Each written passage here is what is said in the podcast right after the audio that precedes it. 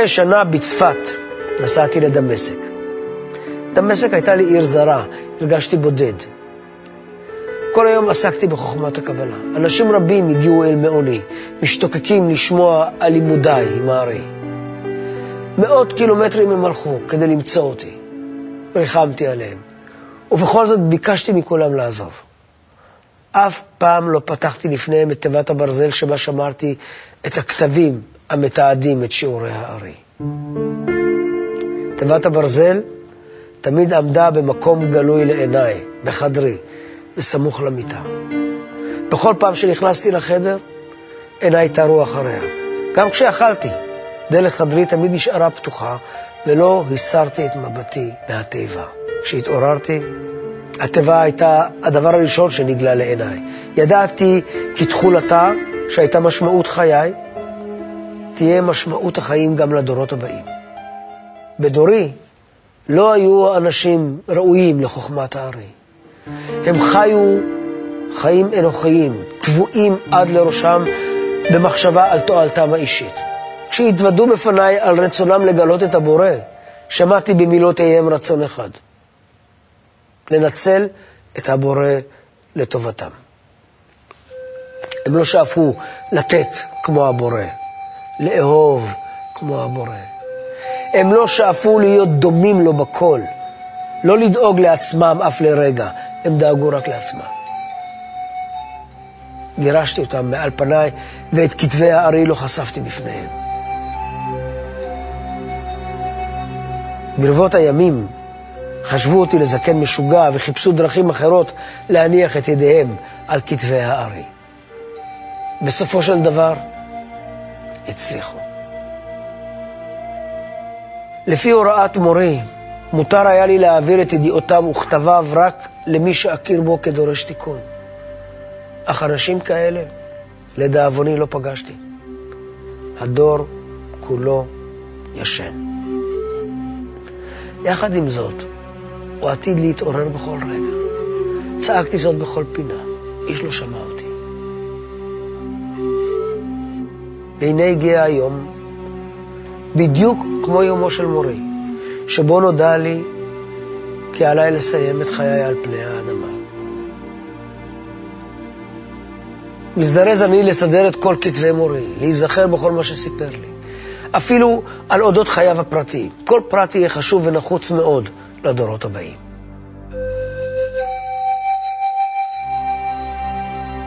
מודה אני לבורא שנתן לי את ההזדמנות להיות ליד הארי.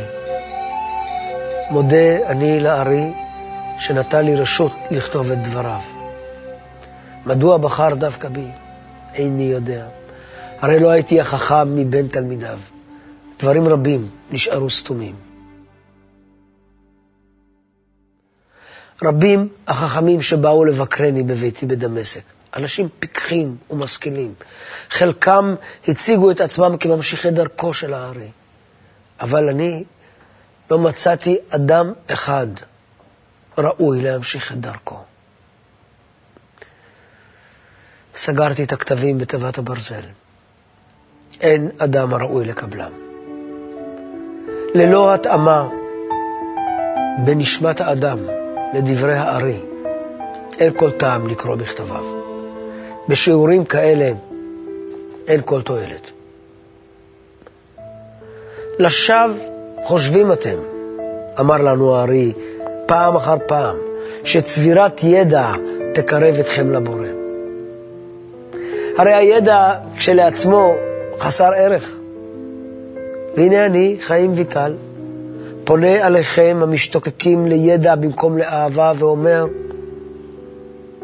כל עוד לא תפנו אל לבכם, כל עוד לא תפנו את לבכם אל הבורא, כל עוד הבורא לא יענה ויעניק לכם כוח רוחני, מסך, שבעזרתו תוכלו לקבל את האור שמוכן עבורכם. כל עוד לא תבואו לבורא באמת, בתפילה פנימית לתיקון, ולא בתכונות חיצוניות ובמסגרות חיצוניות שעליהן אתם שומרים, לא תבינו דבר מתורת הארי.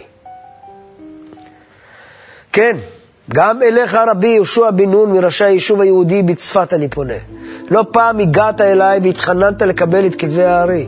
טענת שאני עושה טעות נוראית שאיני מפרסם אותם. אמרת שאני מעכב את התפשטות הקבלה בעולם, שהארי עצמו, שציווה עליי לשמור את הכתבים עד לזמן הראוי לגילוים, היה בוודאי כועס עליי, כי הזמן הגיע, כך טענת. אבל אתה, יהושע, אינך יכול להורות לי, עד שלא ארגיש רצון אמיתי באדם להתחבר לבורא. להשיג אותו, להידבק בו, להיות דומה לו בכל. לא אפרסם את כתבי מורה. שנות חיי עברו ולא מצאתי אנשים ראויים לתורתו של מורי. עתה כבר ברור לי כי כתבי הארי יוצפנו עוד שנים ארוכות בתיבה. נוכח ראה הארי את ממשיכי דרכו. בני דורי עדיין אינם מוכנים לתורתו. אסור לי לגלות את כתביו. גילוים יכול רק להזיק לתיקון נשמתם.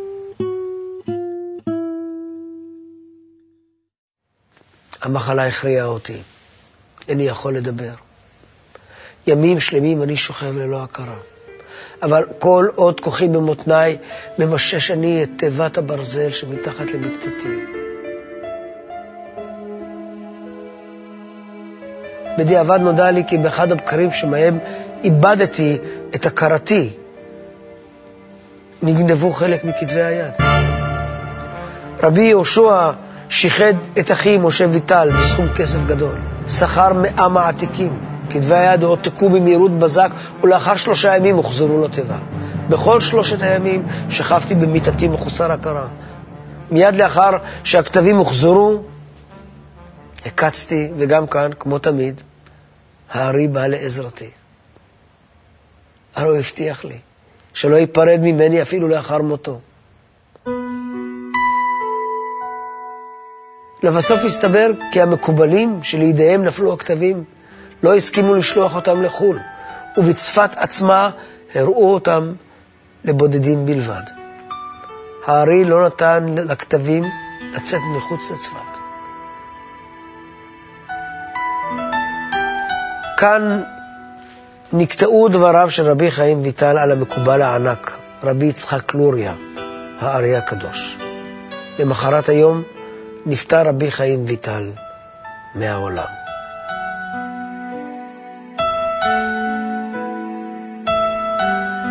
לאחר מותו של רבי חיים ויטל, נתגלו כתביו לכל אלו שרצו להשתמש בהם כראוי לתיקון נשמתם.